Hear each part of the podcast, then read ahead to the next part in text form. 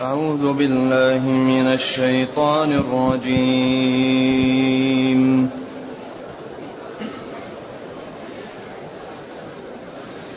يا أيها النبي حسبك الله حسبك الله ومن اتبعك من المؤمنين. يا أيها النبي حرض المؤمنين حرض المؤمنين على القتال. إن يكن منكم عشرون صابرون يغلبوا مئتين. وإن يكن منكم مئة يغلبوا ألفا من الذين كفروا بأنهم قوم لا يفقهون.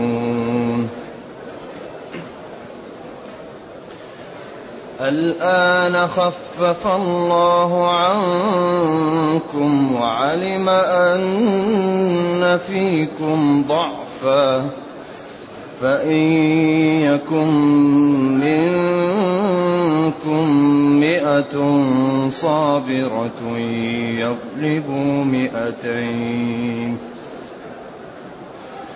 وإن يكن منكم ألف يغلبوا ألفين بإذن الله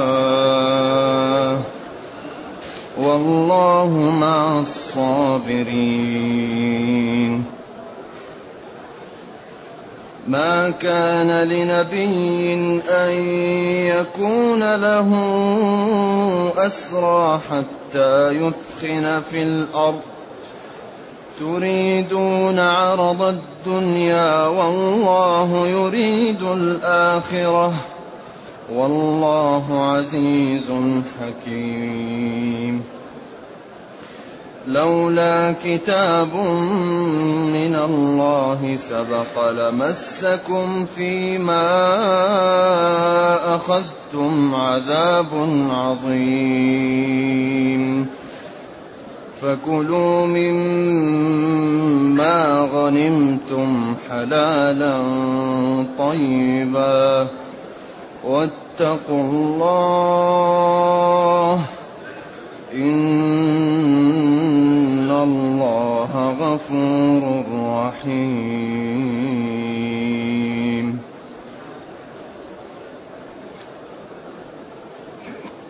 الحمد لله الذي أنزل إلينا أشمل الكتاب وأرسل إلينا أفضل الرسل وجعلنا خير أمة أخرجت للناس. فله الحمد وله الشكر على هذه النعم العظيمة والآلاء الجسيمة. والصلاة والسلام على خير خلق الله وعلى آله وأصحابه ومن اهتدى بهداه. أما بعد فإن الله تعالى لم تن لما امتن على نبيه بقوله تعالى وألف بين قلوبهم لو أنفقت ما في الأرض جميعا ما ألفت بين قلوبهم ولكن الله ألف بينهم هذه نعم جسيمة وآلاء عظيمة. وبين قدرته ثم طمأنه وثبته وقواه بقوله يا أيها النبي حسبك الله.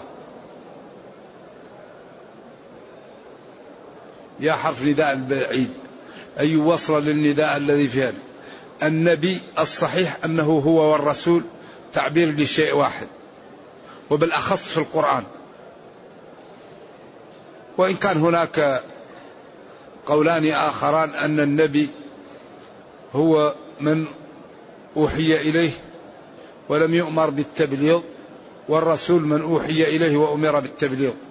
وهذا الدارج وهذا مرجوح.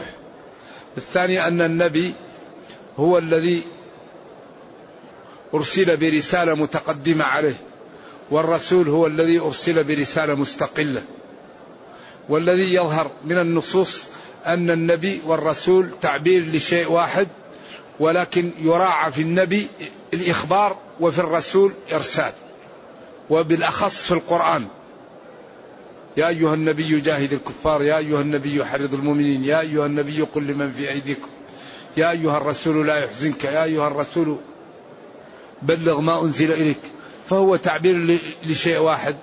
لكن أحيانا ينظر فيه لإبلاغه وأحيانا ينظر فيه لإخباره.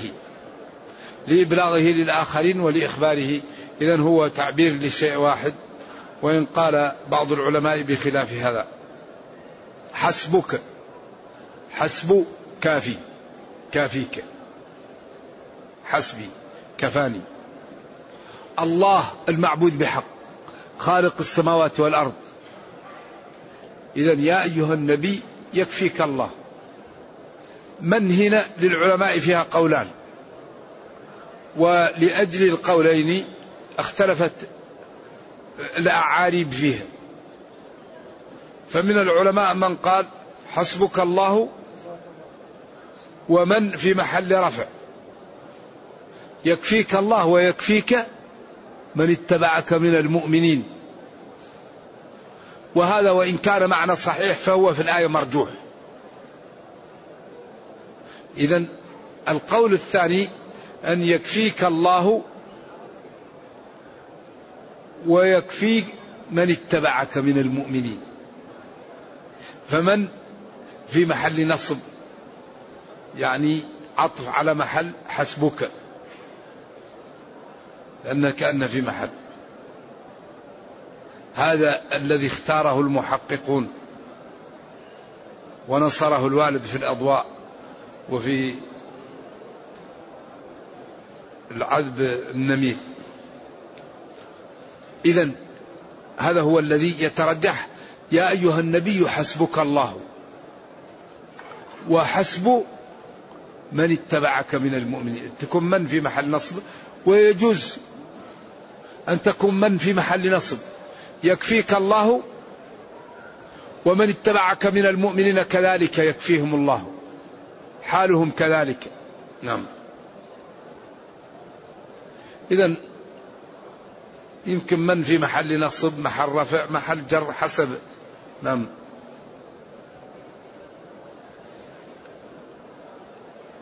والذي يختار أن الله تعالى يكفي النبي صلى الله عليه وسلم ويكفي المؤمنين ويكفي من كل شيء لأنه القادر العليم. أمره إذا أراد شيئا أن يقول له كن فيكون. إذا حسبي الله. الذين قال لهم الناس إن الناس قد جمعوا لكم فقالوا حسبنا الله ونعم الوكيل. إذا حسبك الله. هذا هو الراجح. يكفيك الله ويكفي الله من اتبعك من المؤمنين. فإذا إذا لا تخافوا من عدو ولا من تكتل ولا من أي شيء وإنما الخوف أن تأتيكم الأمور من قبل أنفسكم. كما قال جل وعلا قل هو من عندي أنفسكم. إذا أي مشكلة تأتي للمسلمين فهي منهم. إذا إذا إذا مشوا على ما رسل ما لهم فالله يكفيهم وينصرهم ويعزهم ويذل أعداءهم ويهزمهم ويكبتهم. لأنه قادر وعليم ولا تخفى عليه خافية ولا يخلف الميعاد وأمره إذا أراد شيئا أن يقول له كن فيكون. طيب من هذه صفاته؟ لما لا تمتهل أوامره وتجتنب نواهيه ويعاش على ما رسم؟ من هذه عظمته؟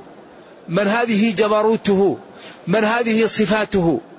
أيصلح للخلق أن يتركوا أوامره ويقدموا على نواهيه. إذا المشكلة الحقيقية أننا لم نرتسم الطريق المطلوب منا. فإن أردنا أن نكون في المكان اللائق بنا نرتسم الطرق المرسومة لنا.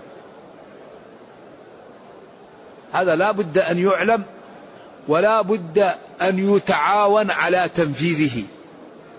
وتعاونوا على البر والتقوى. تعاونوا على البر والتقوى. إذا يا نبي يا أيها النبي حسبك الله يكفيك الله ويكفي من اتبعك من المؤمنين. إذا ما الذي نريد؟ الله يكفينا ويكفي جميع من معنا من المسلمين. الله يهزم أعداءنا الله يغلبهم الله يدمرهم. لكن إذا مشينا مع ماذا مع ما رسم لنا. أمرنا بماذا أمرنا بالتعاون. أمرنا بالإعداد. أمرنا بالثبات. أمرنا بذكر الله.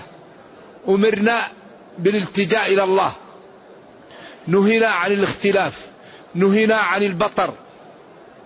نهينا عن جميع المعاصي. فإذا امتثلنا الأوامر واجتنبنا النواهي ربنا قادر وكريم سينصرنا. والحقيقة أن الآيات مليئة بهذه المعاني. ثم قال يا أيها النبي حرض المؤمنين على القتال. إذا أولا حسبك الله. يكفيك الله ويكفي من اتبعك من المؤمنين. ولكن لا بد من الأسباب. لأن الكون لما خلقه الله خلقه بقانون الأسباب. تعمل تنتج تنام تخسر. هكذا. ولذلك لما قال الصحابة في بعد نزول آية الحديد ففيما العمل؟ قال ما لا.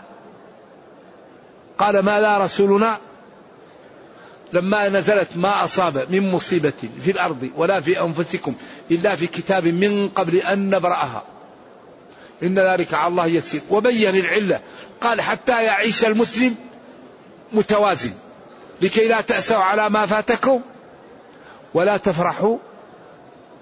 لا تأسوا. أسا يجعلك لا تستطيع أن تستفيد. ولا تفرح. فرح يجعلك لا تستفيد. أما الأسى والفرح هذا ما يمكن واحد يدفعه لكن يجعله متوازن.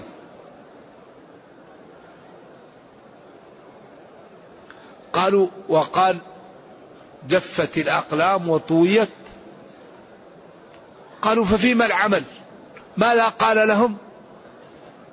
قال لهم ماذا اعملوا اعملوا اعملوا اعملوا. صلوا صوموا زكوا بروا بوالديكم أكرموا الأيتام اصلحوا ذات البين. مارسوا العمل اعملوا. الجنة لها ثمن العز له ثمن الفضيلة لها ثمن القوة لها ثمن المروءة لها ثمن. ما في شيء له ثمن. اعملوا. إذا ما يمكن واحد يكون في مكانه من غير ما يشتغل. ما يمكن. ما يمكن يكون عالم من لم يجد ذل الطلب. ما لم يكن يكون تقي من لم يكابد الطاعات.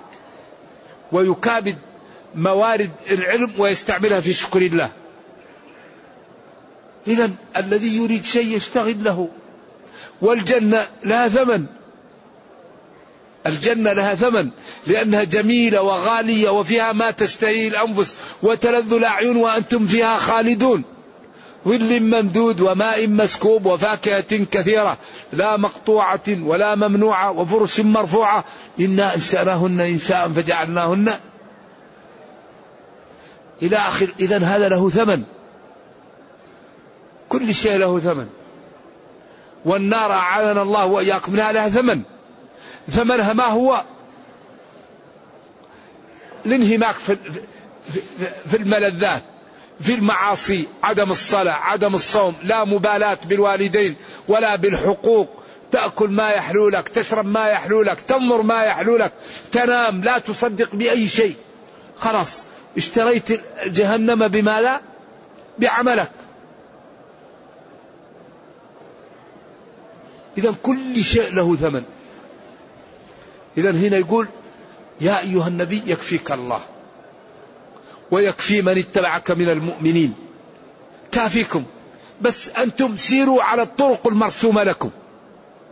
أوفوا بعهدي أوفي بعهدكم. ولا ينصرن الله من ينصره. ما العبد إذا نصر ربه لازم ينصره. لأنه قادر وكريم ولا تخفى عليه خافية. لكن الله يعلم الصادق من الكاذب. ثم قال يا أيها النبي حرض التحريض والحث والإلزام والتأكيد. حرض المؤمنين يعني حثهم وصبرهم وهيئهم لقتال الكفار. حرض المؤمنين على ماذا؟ على القتال. حرض المؤمنين. الجنة لها ثمن. ولا يجوز أن يبقى الكفار لهم العلو في الأرض. هذا لا يبيحه الإسلام. المسلمون هم الأعلون. وأنتم الأعلون والله معكم. الإسلام يعلو ولا يعلى عليه. وإن جندنا لهم الغالبون إذا ساروا فيما رسم لهم. إن تنصروا الله ينصركم. ولا ينصرن الله. إذا لابد نعلم أن واقع المسلمين فيه الخلل. إذا يا أيها النبي حرض. حرض التحريض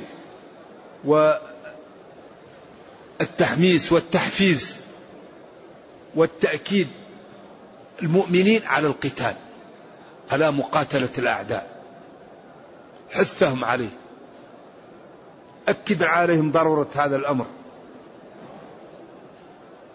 وقلنا إن المسلمين يقاتل الكفار لشيء واحد. وهو ما هو؟ أن يكون العلو لماذا للإسلام. الإسلام لا بد يعلو. الذين يقولون إن الإسلام يرغم الناس على الدخول فيه هذا كذب. لا إكراه في الدين. والذي يقول إن الإسلام لصد الهجوم هذا كذب. الإسلام جاء ليبقى تبقى الإدارات في العالم بيد من؟ بيد المسلمين. كل إدارة على وجه الأرض تسلم للمسلمين. من شاء فليؤمن ومن شاء فليكفر شريطة ذلك. ولذلك قال حتى يعطوا الجزية إيش؟ عن يد مواتية وهم صاغرون أي قابلون منقادون يعني مذعنون لشروط الإسلام ولما يملي عليهم أهل الإسلام. وهذا إقرار لهم على الكفر إذا أذعنوا. إذا ما يقول لإرغام الناس غير صحيح وما يقول لصد الهجوم غير صحيح وإنما تبقى الإدارات في العالم بيد المسلمين من شاء فليؤمن ومن شاء فليكفر شريطة الإذعان.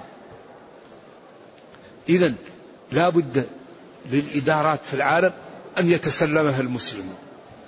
وإذا تسلم المسلمون الإدارات بعد قليل الناس يدخلون في دين الله لأنهم سيرون الرفق والصدق والنزاهة. أقول المسلمين ما أقول من يقول أنا مسلم؟ في فرق بين من يقول واحد مسلم وواحد يقول أنا مسلم. المسلم الذي يتمثل الإسلام. ينظر نظرة المسلم ويمشي مشية المسلم ويبيع بيع المسلم ويسافر سفر المسلم ويلبس لبس المسلم ويأكل أكل المسلم. المسلم بكامله. فإذا كانت الإدارات بيد المسلمين وخالط غير المسلمين الإسلام ورأوا جمال الدين يدخلون في الإسلام. سيجدون الرفقة سيجدون النزاهة سيجدون الإيثار سيجدون العدالة سيجدون الحفاظ على أموالهم وأعراضهم وممتلكاتهم. فالعقل يقول ما الذي نريد بغير هذا؟ فيدخل الناس في الإسلام. لذلك نحن الآن أهم شيء نتعاون عليه هو أن نتمثل الدين. الدين ما هو كلام. الدين ما هو ادعاء. الدين ربقة في عنق المسلم. الدين يحرم عليك أن تنظر إلى الحرام. قل للمؤمنين الدين يحرم عليك أن تنطق بالحرام. ولا تقف ما ليس لك به علم. ولا يغتب بعضكم بعضا. الدين يحرم عليك أن تفكر في الحرام. يحرم عليك أن تمشي برجليك إلى الحرام أو أن تلمس بيدك حرام أو أن تجعل في بطنك حرام. الدين أوامر ونواهي وممارسة. ما هو كلام؟ فإذا مارس المسلم الدين أصبح كل من حوله يتأثر. أصبحت حياته تدر ليل ونهار على الأمة لأنه غض للبصر هذه محاضرة. إذا غض بصره كأنه يقول للناس أيها الناس لا تنظروا إلى الحرام فإن الله أعطاكم الأبصار لتنتفعوا بها في الخير وتشكروا الله. قل للمؤمنين يغضوا وإذا سكت عن الحرام فكأنه يقول للناس يا ناس أمسكوا ألسنتكم فإن أكثر ما يوبق الناس هذا. ف ف فالعمل أقوى من, من القول. لذلك الصحابة نشروا الدين بالسلوك. كان الواحد منهم إذا ألقى المحاضرة لا ت... تكون ربع ساعة قليل محاضرات الصحابة. كلامهم قليل. ولكن عملهم كبير. الواحد يقوم الليل حتى تتفطر قدماه. ونبينا صلى الله عليه وسلم يسمع له أزيز كأزيز المرجل لخوفه من الله. يصلون ويبكون ويخافون. فلذلك نشروا الدين في مدة وجيزة. إذا هذا الدين الله يقول حرض المؤمنين حثهم على القتال. مقاتلة الأعداء. وبعدين قال ولا تهنوا في ابتغاء القوم إن تكونوا تألمون فإنهم إيش؟ يألمون كما تألمون. وترجون من الله ما لا يرجون. من المحزن الحقيقة المؤسف. نرجو الله تعالى أن يحفظ المسلمين وأن يبصرهم بمصالحهم. الكفار يبذلون أموالهم وأنفسهم لشهوة السبق الدنيوي. يريدون ماذا؟ يريدون أن تكون لهم الرفعة والعلو. يبذلون أموالهم وأنفسهم لماذا؟ للعلو. والمسلمون أموالهم وأعراضهم. والمسلمون أموالهم وأعراضهم وأنفسهم ودينهم مهدد بالخطر ولا يضحون.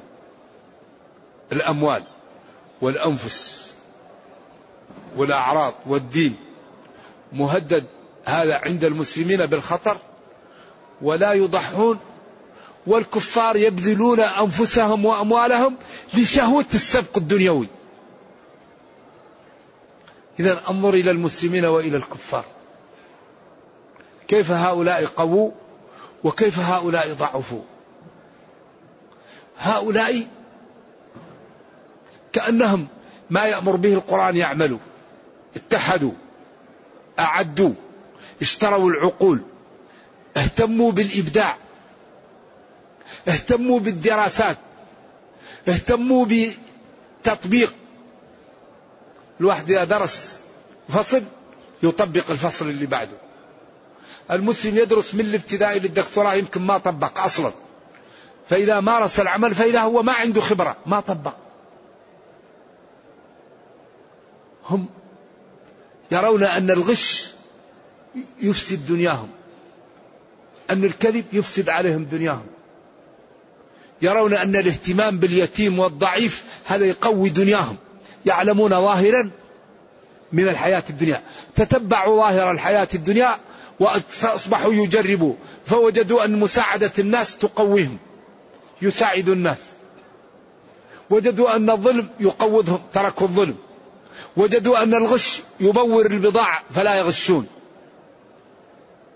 وجدوا أن الربح بشراء العقول فيشتروا العقول. المسلمون يزهدون في العقول ويزهدون في العلم ويزهدون في الاستشارة ويزهدون في ولذلك عالم كبير غثاء إيش إذا لا بد لنا أن نهتم بمصالحنا نهتم بمؤسساتنا نهتم بالعقول نهتم بالعلم. لا ي... ما في شيء يقوي الأمم مثل العقول. إذا يقول حرض حث المؤمنين على القتال. على مقاتلة الأعداء ومناجزتهم في الميادين. بعدين قال إن يكن منكم عشرون صابرون يغلبوا مئتين. ثم أكد. وإن يكن منكم مئة يغلبوا ألفا من الذين كفروا. ثم بين العلة قال ذلك بأنهم قوم لا يفقهون. لا يفقهون جمال هذا الدين. لا يفقهون ما عند الله للمتقين في الجنة. لا يفقهون ما أعد الله لأوليائه مما لا عين رأت ولا أذن سمعت ولا خطر بقلب بشر. لا يفقهون ما أعد الله للظالمين والمجرمين من الجحيم ومن السعير. لا يفقهون. فلذلك هم لا يفقهون فلا عندهم صبر ولا جلد على الإقدام ولا عندهم أيضا آه، يعني آه، يعني خوف من الله فلا يتركوا ملذاتهم ما عندهم فقه. إذا هم ضعاف لأنهم يقاتلون على غير مبدأ وعلى غير فائدة.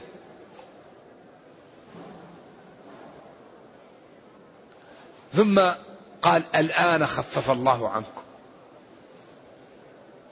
بعد نزول الآية. قيل هل هذا بعدها مباشرة أو بعد أو غير؟ المهم أن هذه الآية على أصح الأقوال منسوخة. بقوله الآن خفف الله عنكم. وعلم أن فيكم ضعفا.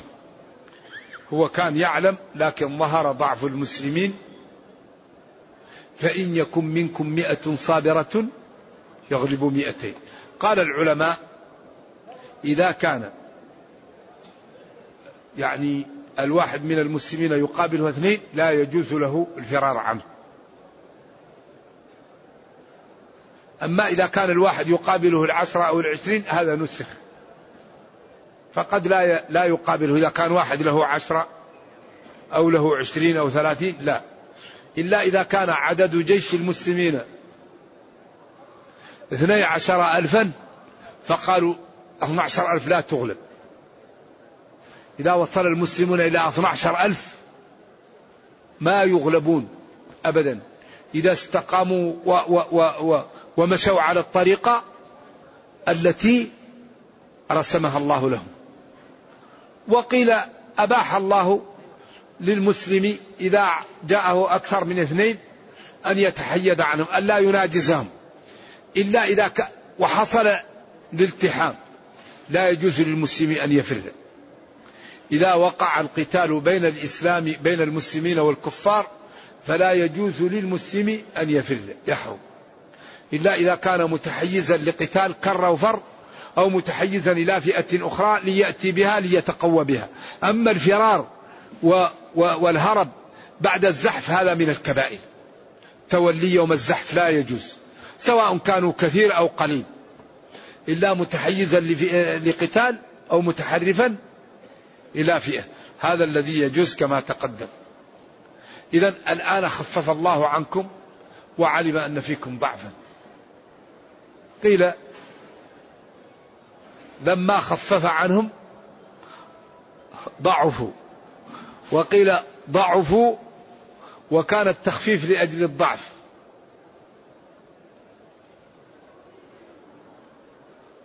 ثم قال في نهاية المقطع والله مع الصابرين بالنصر والتأييد والتمكين.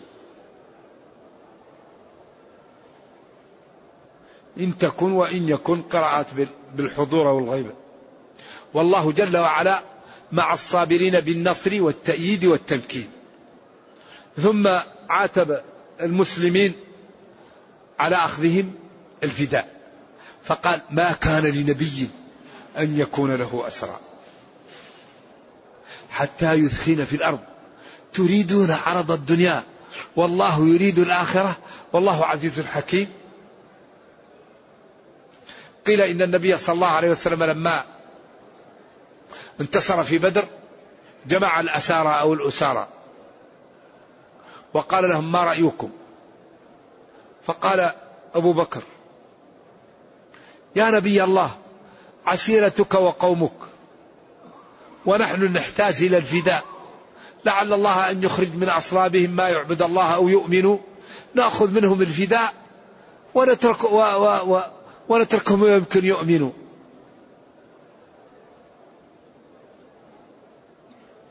قال له يا عمر قال أنا لا أرى رأي أبي بكر. قال ما الذي ترى؟ قال هذه أول معركة للمسلمين. ومكن الله من صناديد قريش الذين فعلوا في الدعوة وفي الدعاء وفي الإسلام. أرى أن تمكن كل قريب من قريبه ويذبحه. فتعطي لي علي عقيل يذبحه وتعطيني أنا فلان من جماعتي وتعطي لي فلان فلان وتذبح هؤلاء. فكأن النبي صلى الله عليه وسلم قال بالرواحة لا أنا أرى أن تأخذ واد مليء بالحطب وتولعه وترميهم في هذا الحطب. فالنبي صلى الله عليه وسلم دخل عنهم فقالوا يقبل قول أبي بكر قالوا قول عمر قول أبي رواحة عبد الله بن أبي رواحة رضي الله عن الجميع. وبعدين كان يعني النبي صلى الله عليه وسلم يعني رحيم بالمؤمنين وبالخلق. فقال إن من عباد الله من يجعله الله يجعله الله مثل نوح أنت يا عمر حيث قال رب لا لا ترى على الأرض من الكافرين ديارا ومثل موسى حتى قال ربنا اطمس على أموالهم واشدد على قلوبهم فلا يؤمنوا حتى يروا العذاب ومن عباد الله من يلين الله قلبه كما قال إبراهيم إن تعذبهم فإنهم عبادك وإن تغفر لهم كما قال عيسى وكما قال إبراهيم في الآية الأخرى. الآية إبراهيم من من يذكر؟ المهم آية يعني تدعو على الرفق هذا أبو بكر في هذه المسألة. ثم إنه أخذ منهم الفداء وكان عمر لما قال هذا قال له العباس لا تقطع الرحم. فلما كان من الغد جاء عمر فوجد النبي صلى الله عليه وسلم وأبا بكر يبكيان فقال لهم اذكروا لي إن جاءني البكاء بكيت وإن لم ياتني تباكيت. فقال لقد عرض علي عذابكم أقرب من هذه الشجرة. ثم نزلت الآية ما كان لنبي أن يكون له أسرى. حتى يثخن يوقع يعني يكثر القتل والضرب في الأعداء. تريدون عرض الدنيا. والله يريد الآخرة.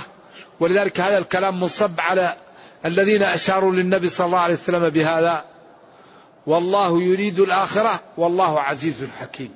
عزيز غالب يضع الأمور في مواضعها. ثم هنا وقفة كبيرة مع اجتهاد الرسل. هل الرسل يجتهدون أو لا يجتهدون؟ من العلماء من قال لا يجتهد الرسل وما ينطق عن الهوى إن هو إلا وحي يوحى. ومنهم من قال قد تعب تتعبد الرسل بالاجتهاد لكنها لا تقر على المرجوح وهذا أقوى. ولذلك هنا رأى أن أخذ الفداء أنه أنفع للمسلمين وهؤلاء إذا لم يدخلوا في الإسلام الإسلام غالب. الآن يتقووا بالفداء وهؤلاء إن دخلوا في الإسلام نعم هي وإن لم يدخلوا في الإسلام بكرة يغلبون لأن العاقبة للمتقين وللدين.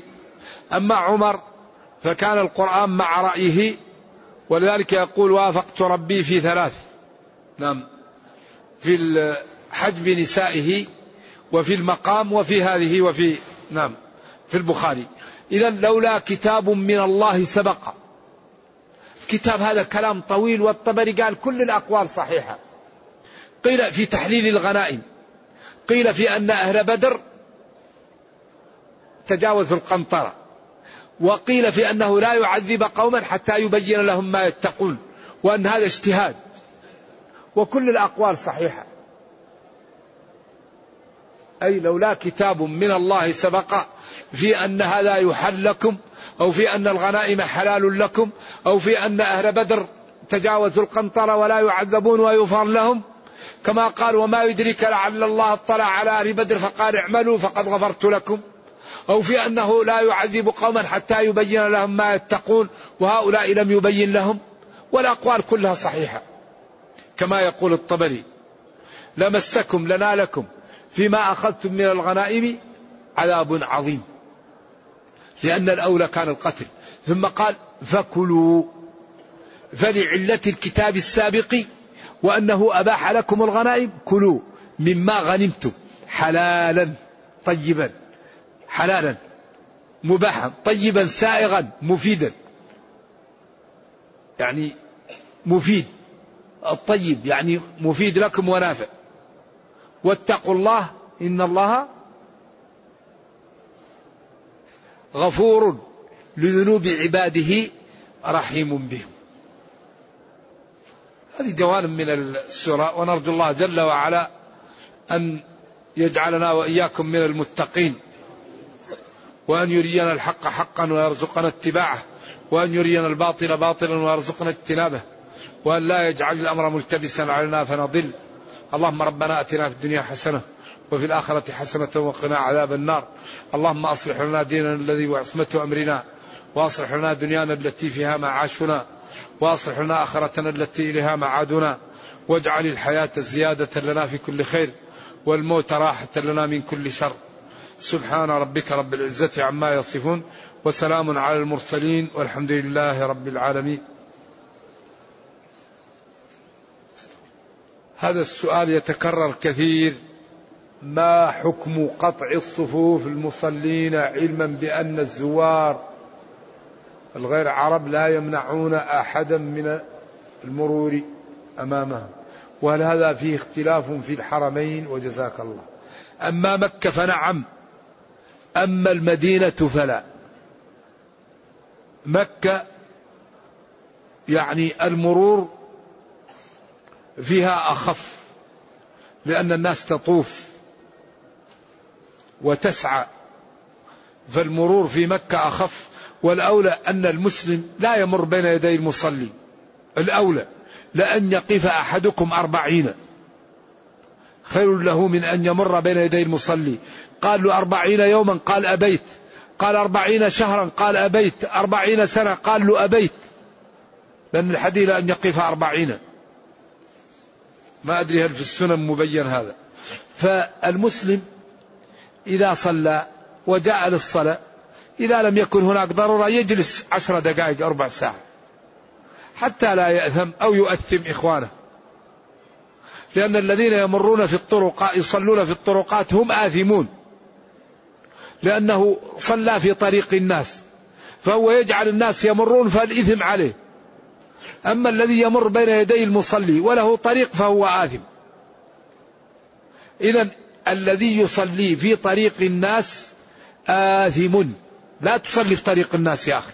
هذه ممار. لا تصلي في طريق الناس. تضطر لتحبسهم أو تجعلهم يمرون. فلذلك ينبغي لنا أن نتنبه. أولا الواحد يرفق بإخوانه. إذا أراد أن يصلي يذهب لمحل ويجعل أمامه ساترا لا يذهب لطرق الناس ويصلي فيها. والذي يعني يسلم ويقطع الصفوف هذه مشكلة. الذي يريد أن ينصرف يحاول يصلي في طرف الصفوف حتى يسلم. وبعدين فليقاتله فليدفعه فإن امتنع فليقاتله إنما هو شيطان. هذا في الحديث الصحيح يدفعه لأنه ينقص الأجر. لكن ينبغي للمسلم أن يرفق ويكون بيننا تعاون. الذي عنده شغل ومستعجل إذا قامت الصلاة يذهب إلى طرف الصف ويصلي وينصرف. أما الواحد يروح إلى داخل الحرم ويسلم الإمام ويروح يقطع الصفوف يا أخي. أصبر. أنت جئت هنا تريد الأجر. ليش تستعجل خمسة دقائق عشر دقائق بالكثير؟ أصبر حتى تجد فرجة وتمشي. وقال أن يقف أربعين. ما قال إلا إذا كان في الحرم. ما استثنى. ويقول نود أن تعطي رسالة لأهل الابتلاء ما لهم من أجر إذا هم صبروا مع ذكر نماذج على كل حال المسلم يبتلى لرفع درجته ويبتلى لذهاب السيئات عنه. ولذلك الذين يبتلون يوم القيامة يتمنى الذين لم ينال منهم أن يكون نيل منهم لما, لما يروا لهم من الكرامة. أشدكم بلاء النبيون؟ فالأمثل فالأمثل. نرجو الله السلامة والعافية. نعم. ولذا الواحد يسأل الله العافية. ولكن إذا أصابه شيء يصبر ويعلم أن الله تعالى قد يريد له الخير بهذا. نعم. روي عن الرسول أنه غضب عندما استشفع في حد من حدود الله. وقال والله لو أن فاطمة بنت محمد سرقت لقطعت يدها. وقد أذن لعبد الله بن بي بن سلول بعد معركة بني قراوة بعدد من اليهود. هذا ليس حد. هذه أمور يمن عليهم. ولذلك قال إما منا بعد وإما فداء. أما واحد سرق أو واحد هذا ما هذا ما يمكن يشفع في الحدود. واحد سرق الله قال السارق والسارقة فاقطعوا أيديهما. أما يوم قال يعني للإمام إذا جاء الأسارى أن يمن على من شاء وأن يقتل من يشاء وأن يطلب بالفداء فإما منا بعد وإما فداء. ولذلك قتيلة بنت النضر ابن الحارث لما قالت شعرها ورد في السير أنه قال لو جاءت لي قبل أن نقتله ما قتلته. يا راكبا إن الأثيل مظنة من صبح سادسة وأنت موفق. هل يسمعني النضر إن ناديته أم كيف يسمع ميتا لا ينطق؟ ظلت سيوف بني أبيه تنوشه. لله أرحام هناك تشقق. صبرا يقاد إلى المنية متعبا رس المقيد وهو عان موثق. ما كان ضرك لو مننت وربما من الفتى وهو المغيظ المحنق. فقيل إنه قال لو جاءني شعرها قبل أن نقتله ما قتلته. نعم. وقال أجرنا من أجرت يا أم هاني. لما أراد علي أن يوقع بزوجها. نعم. أخوها. هل يكون القتال في آخر الزمان بالخيول والسيوف بدلا من هذه الأسلحة الحالية؟ الله أعلم. يمكن فيه سيوف. يقول إذا سألني رجل كافر. كيف تعرف أن هذا القرآن كلام الله؟ فكيف أجيبه؟ أجيبه بالتاريخ. أن العرب هم أفصح الناس وأبلغ الناس. وأفهم الناس للكلام. وأن هذا النبي الكريم جاءهم وقال لهم أنا رسول ومعجزتي هذا الكلام الذي من جنس كلامكم. وجاء بكلام وقال هذا كلام الله وجاء بكلام وقال هذا كلامي أنا. وهذا واجب عليكم اتباعه وهذا واجب عليكم اتباعه وهذا معجز لا يمكن أن يؤتى بمثله وهذا ليس بمعجز قد يؤتى بمثله. واقع القرآن يجيب عن القرآن. ولذلك قال لهم وإن كنتم في ريب مما نزلنا على عبدنا فأتوا بسورة ففي وقت الكلمة هي التي تأخذ قلوبهم وهي التي تقنع وأحسن الكلام كلامهم وأجمل الكلام أسلوبهم ووصلوا في ذلك إلى العلياء. جاءهم كلام أجمل من كلامهم. ولذلك قالوا القرآن معجز. كيف معجز؟ قال هو معجز. لأنه هو معجز. كيف تقول كيف معجز؟ ولذلك قال الخطابي إن أركان الكلام ثلاثة لفظ ومعنى ورباط ناظم فاختار الله لكلامه أجمل الحروف في أجمل الكلمات في أجمل المعاني في أجمل النظم فجمع أمورا لا يستطيعها البشر لأن البشر عاجزون والله قادر على كل شيء. ولذلك قال فأتوا بسورة من مثله وادعوا شهداءكم من دون الله إن كنتم صادقين وقال قل لئن اجتمعت الإنس والجن على أن يأتوا بمثل هذا القرآن لا يأتون بمثله لذلك كما يقول واحد أسلم فقلت له ما سبب إسلامك؟ قال لأني رأيت كلام القرآن كبير انظروا في ملكوت السماوات والأرض والسماء بنيناها بأيد أفلا ينظرون إلى الإبل كيف خلقت وإلى السماء كيف رفعت وإلى الجبال كيف نصبت وإلى الأرض كيف سطحت ومن الجبال جدد بيض وحمر مختلف ألوانها. قال هذا كلام كبير هذا ما هو مثل كلام البشر. فعرفت أن هذا هذا الدين صحيح بهذا الأسلوب. الثاني قال إن أكرمكم عند الله أتقاكم. قال علمت أن هذا خارج عن البشر لأن كل الناس يقول إحنا أحسن من غيرنا. ولذا هو يحمل في طياته البقاء يحمل في طياته الإعجاز. فديننا دين لا يقاوم ولكن المشكلة الكبيرة أن المسلمين مثل العيس الإبل تحمل الماء وهي ظمآن كالعيس في البيداء يقتله الظماء والماء فوق ظهورها محمول. نحن عندنا هذا الكتاب ولكننا فائدتنا منه ناقصة. فحري بنا أن نبينه ونوضحه وندعو الناس إليه بعملنا وبأخلاقنا وبسلوكنا قبل أقوالنا. نرجو الله جل وعلا أن يوفقنا وإياكم. خلاص يكفي هذا. ما معنى قوله ثم قست قلوبكم من بعد ذلك؟ يعني بني إسرائيل لما رأوا هذا كان عندهم خوف. فلما طال الزمن وتمادوا في المعاصي قست قلوبهم من بعد ذلك. فهي في قسوتها كالحجارة أو أشد قسوة أو هنا أنت بالخيار أو بمعنى بل على الأقوال في أن.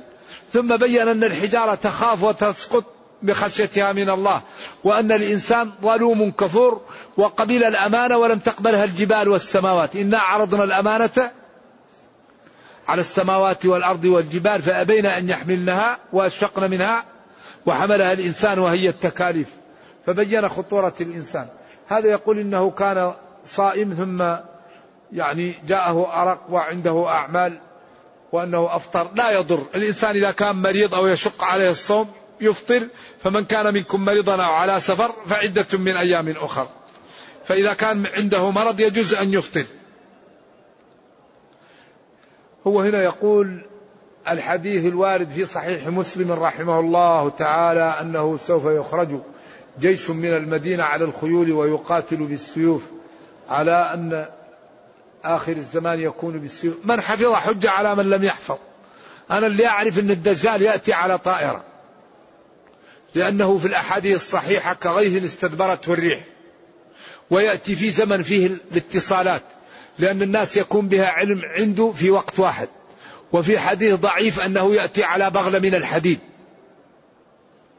وهذه عربة أو سيارة. وفي الآثار أن بين أذن حماره وحماره أربعين ذراعا والحمار في اللغة المركوب.